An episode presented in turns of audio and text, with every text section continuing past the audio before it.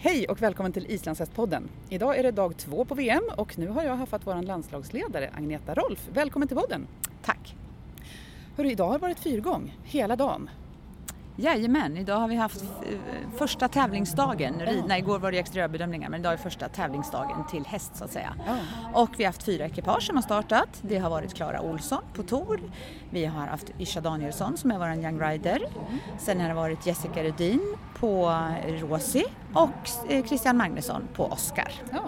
Och berätta om de svenska prestationerna, hur har det gått för dem?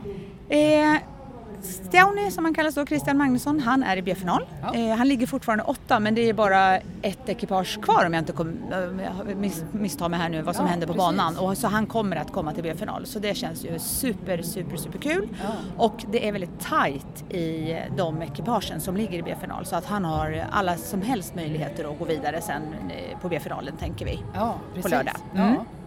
Kul! Och för de andra ryttarna, ryttarna har det varit lite sådär stolpe ut. Klara gjorde en jättefin visning. Fyrgång är ju inte hennes gren. Hon startade den mest för att eh, hon ville komma in på banan en gång innan sin paradgren T2 som ju är på torsdag.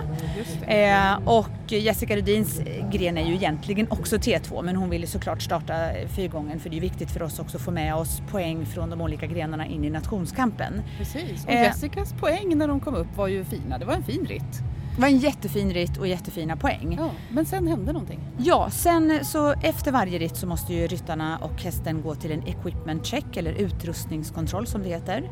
Och där ska man ju kolla munnar och utrustningar och alltihopa. Man ska också mäta skorna. Och då var det så att Rosi som är en väldigt känslig häst som har ganska nyligen kommit till Sverige han tyckte att det var så läskigt att lyfta på sitt högra bakben så att eh, det ville han helt enkelt inte göra med för mycket än att det skulle bli väldigt krångligt. Ja.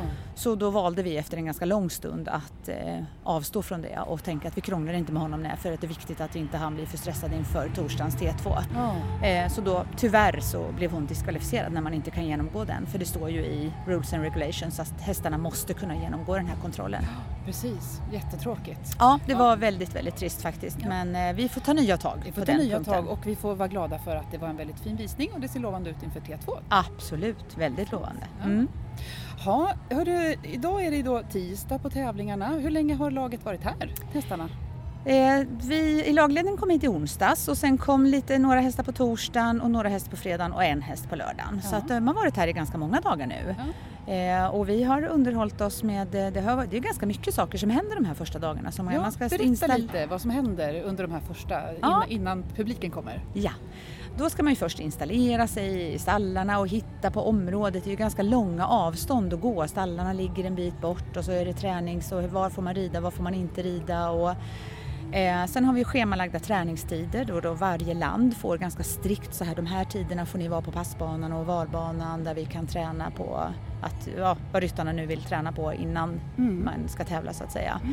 Och sen i söndags då hade vi vår Fit to Compete check som det heter. Alltså det är också en veterinärbesiktning kan man säga. Mm. Fast det är lite mer än veterinärbesiktning. Man kollar också häst, man mäter hästarnas hovar och skor och eh, går igenom dem extra lite noga på ett VM. Mm. Och eh, det är olika stationer som man då passerar. Eh, och när hela laget då har passerat den här, de här olika stationerna och alla hästar har gått igenom, då har man två timmar på sig som lagledare att anmäla det slutgiltiga laget så att säga, vilka grenar de olika ryttarna ska starta i och om man har någon reservhäst med sig, som ju vi tyvärr inte har, eh, så eh, ja, då ska man bestämma om den ska starta eller inte och så vidare. Så att eh, sen, så då är det klart, då är laget anmält och sen eh, då kan man köra igång tävlingarna sen så att säga. Ja. Mm. Hur är det i laget? Vad är det för stämning? Det är jättehärlig stämning. Alla är såklart, man märker för varje dag som går hur stämningen blir lite, lite, lite tätare. Lite, de går in lite mer i sina bubblor men det är väldigt härlig stämning med mycket skratt och eh, ja, det är super, ett superhärligt gäng verkligen. Ja, Mm. Ja, och idag har vi som sagt sett fyrgång eh, och vi har en ryttare i B-final än så länge. Vad har vi att se fram emot eh, imorgon? Imorgon har vi på sportsidan fem gång.